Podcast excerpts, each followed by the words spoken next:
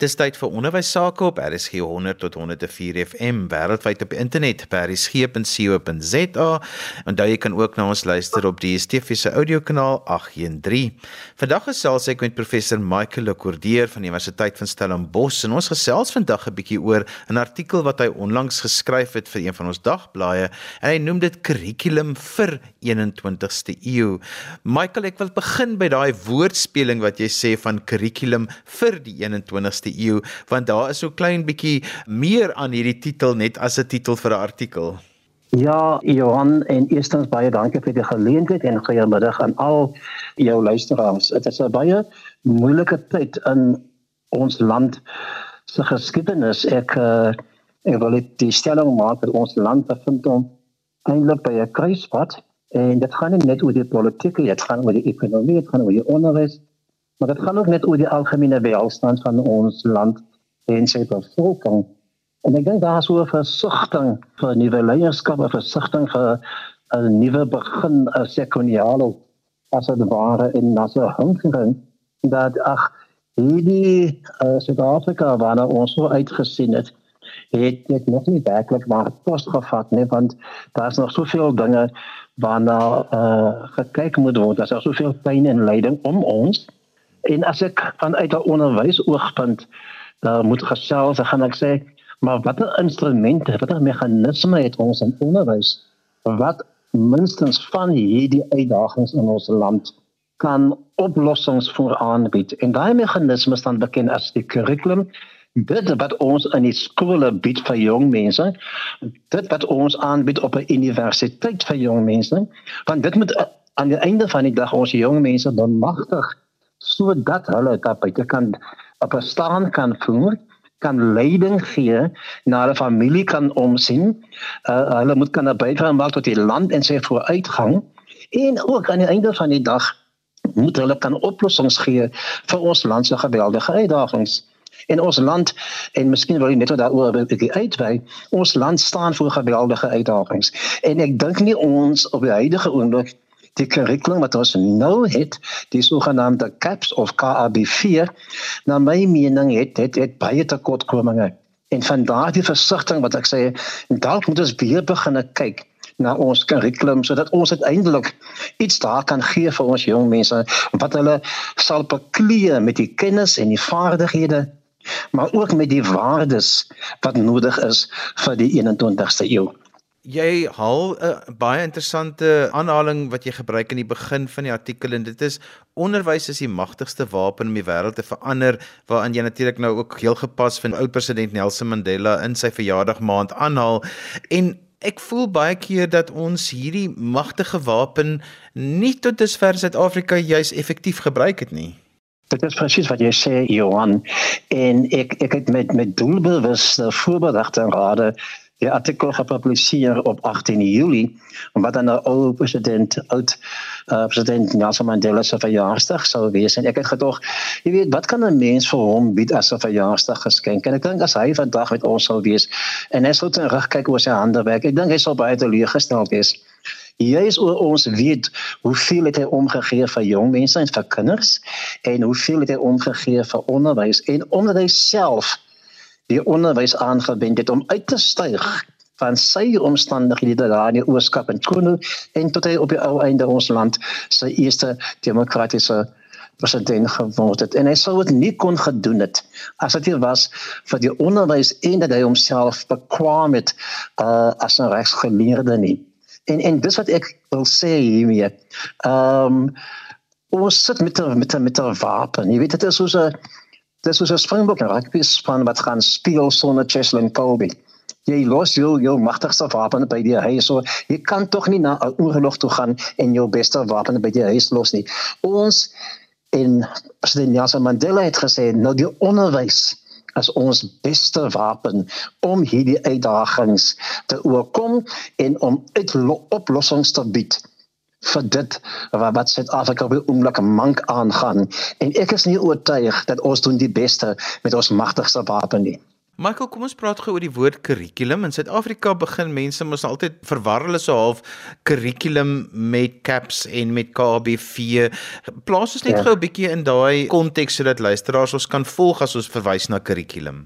En ek gaan uh, na die Engelse woord caps uh, verwys want dit dit dit uh, dan verstaan mense beter as 'n onderskeid maak tussen caps en die curriculum. Nou caps staan vir curriculum assessment policy standards. So CAPS op sigself is nie 'n kurrikulum nie, maar CAPS is bloot die meganisme waarmee ons jong mense se kennis en se vaardighede assesseer en waar ons die standaarde stel en sê kyk of jy by hierdie standaarde kan uitkom. Om daar uit te kom, het jy 'n leerplan nodig. Die uh dis 'n ander woord vir kurrikulum. Nou uh as jy gaan kyk na die definisies van curriculum en daar ek gee in die artikel in of twee definisies van mense wat al verskeie kere baie hier oor geskryf het. Jy weet, daar is 'n baie bekende pedagoog met die naam van Bobbert uh Franklin Bobbert, hy's 'n Amerikaanse opvoedkundige en hy het gesê die curriculum is 'n kursus van al die ervarings wat 'n kind deurgaan op skool. En dit sluit in akademies. Dit sluit in uh kultuur en dit sluit in sport. Met ander woorde enige iets, enige interaksie tussen 'n onderwyser en 'n kind en 'n kind en ander kinders. Al daai ervarings gesamentlik dit bou 'n kind en dit lei 'n kind na volwassenheid. En dis hier waar ek dink ons die die die gevaarligte begin sien want baie van ons jong mense en in dat daar ook die volwassenes van ons tyd dink dat die akademiese leerplan, die ding wat jy moet wat jy van vannag moet gaan studeer en môre oor eksamen moet aflê, dis die enigste ding wat jy nodig het vir 'n toekoms en dit is nie die geval nie. 'n Kind het baie meer as dit nodig. 'n Kind is 'n is 'n multivlakkige individu. En en en ons moet ook kyk na die kind so so holistiese ontwikkeling. Uh ek is byvoorbeeld baie bekommerd dat die smart uh skole sport in baie van ons skole het feitelik tot stilstand gekom. En dit ontwikkel verskeie vaardighede binne in 'n kind en ook verskeie waardes, soos sportman gees, soos leierskap, soos hoe hoe wen ek in beskeidenheid, maar hoe verloor ek ook met waardigheid? Hoe toon ek baie respek vir my opponent en hoe waardeer ek vir die samewerking wat daar wat daar is binne in 'n spanverband? Want as jy binne 'n spanverband iets kan doen, gaan jy ook eendag in jou loopbaan 'n goeie spanspeler wees en ons onderskat dikwels die die impak wat die wye kurrikulum kan beteken bo en behalwe die akademiese kurrikulum. Michael, daar's nie regtig fout met die beginsels van CAPS nie, maar waar lê die fout dan?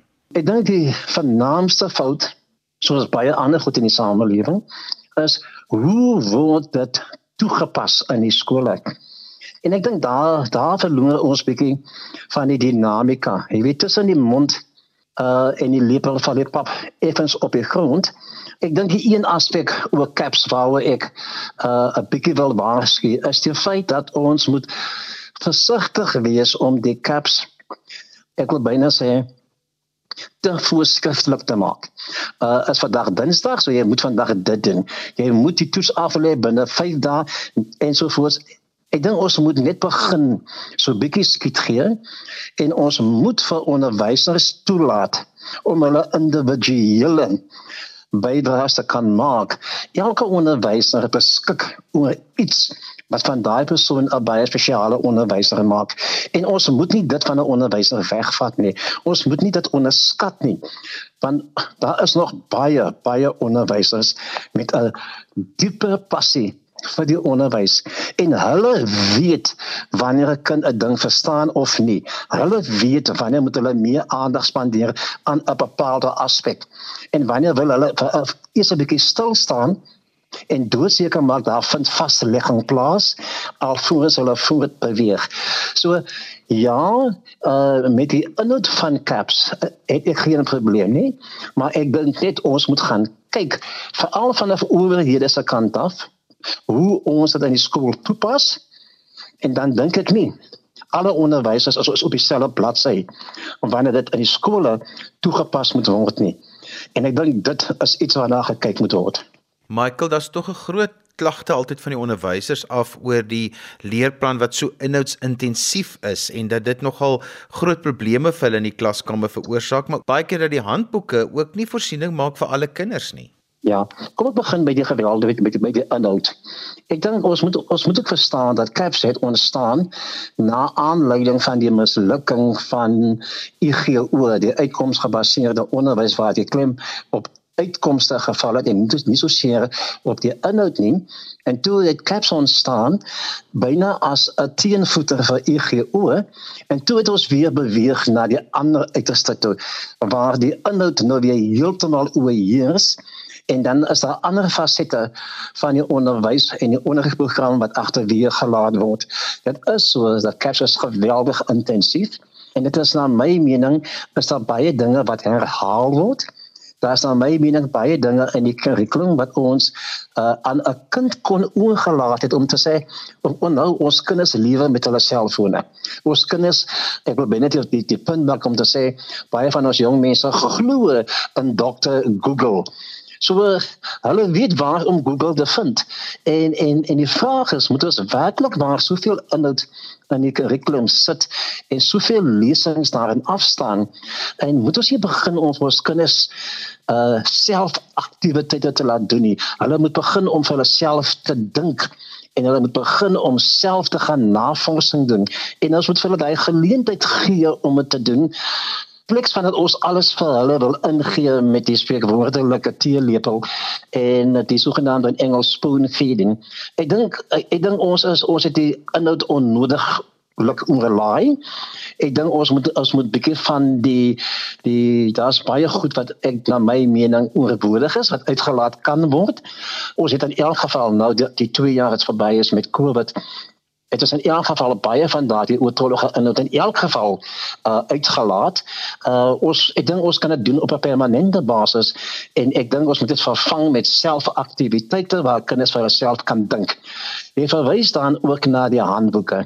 Nou, dit is ongelukkig so dat die handboeke word geskryf deur mense wat die kwalifikasies het en die mense wat sit in skole waar hulle uh, nommer 1 die geleentheid het en waar hulle ook nommer 2 uh, die nodige suksesse behaal het. Maar dit is ongelukkig ook so dat die boeke word geskryf vanuit 'n perspektief van jou middelklas uh, samelewing sonder 'n agneming van die die werklikhede wat daar is binne in ons townships. Ek gaan vir een voorbeeld gee. 'n Wiskunde eksaminator het dit vir my vertel dat een van die die wiskunde woordsomme wat vir kinders gegee was was die een gewees van 'n pizza. Nou en, en toe het jy vraag is as jy volgende gegaan 'n pizza se deursnee is soveel sentimeter bereken die omtrek van die pizza. Nou, dit klink na 'n baie interessante en 'n baie oulike vraag hè want 'n pizza is tog 'n sirkel. So wat die vraag eintlik wil weet is wat is die radius en wat is die omtrek van 'n sirkel?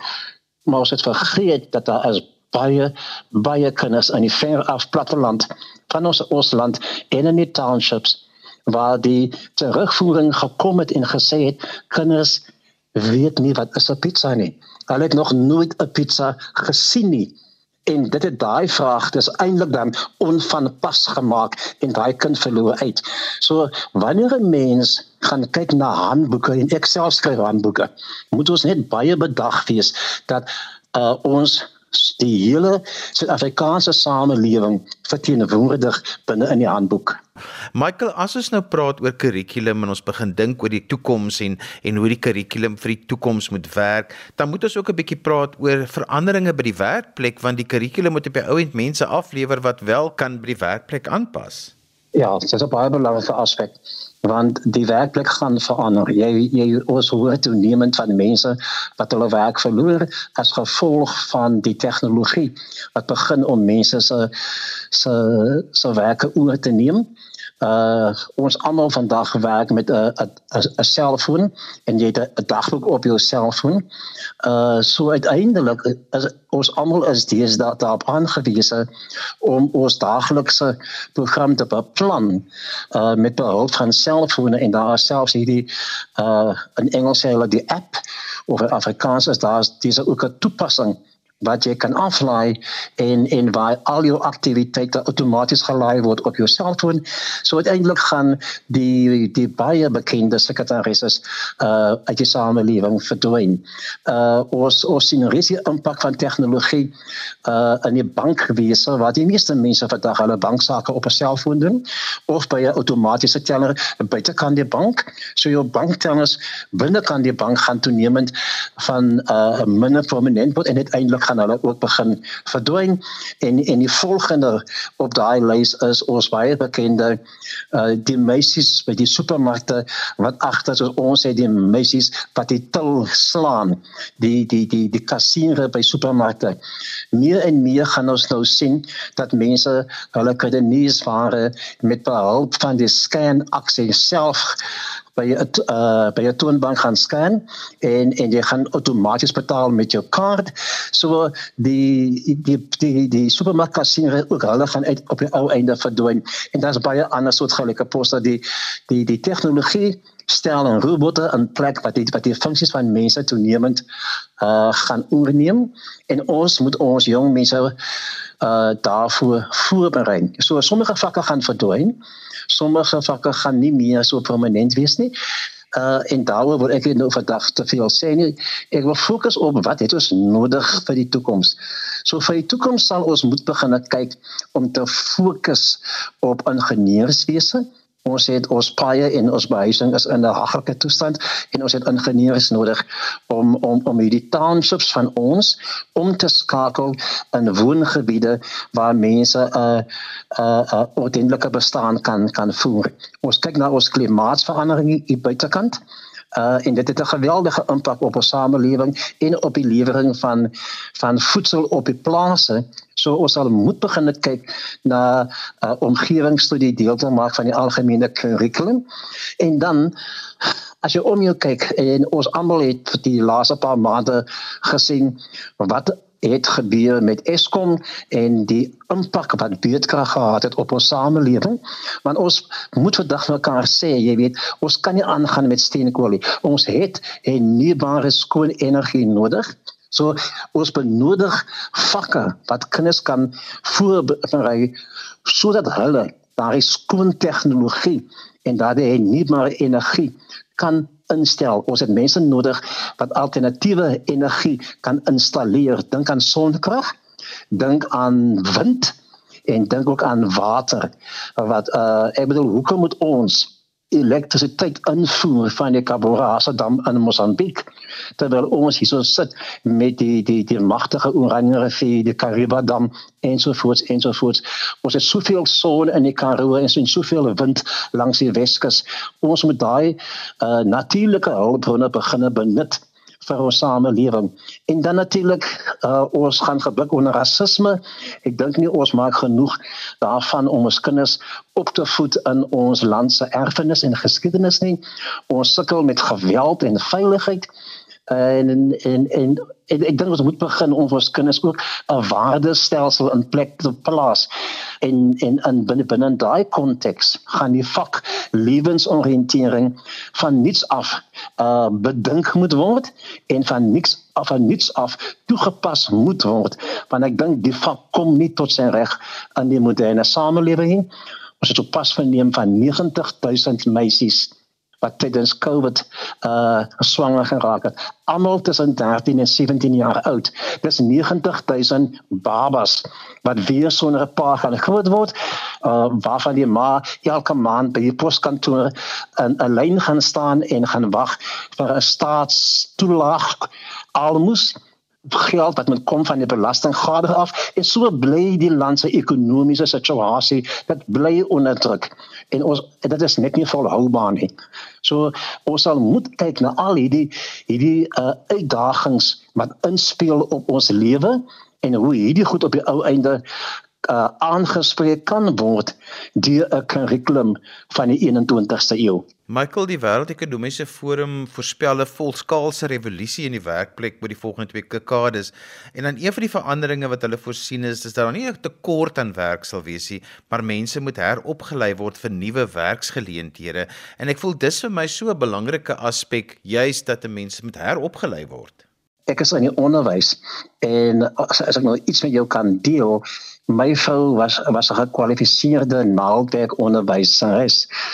Maar na 'n paar jaar het naaldwerk en houtwerk soos jy weet van die toneel verdwyn en daardie mense moes heropgelei word in 'n ander vakgebied en in my vrou se geval het sy haarself laat heroplei in die tale en het sy op die ou einde 'n baie goeie taal onderwyser geword het met baie goeie uitslae.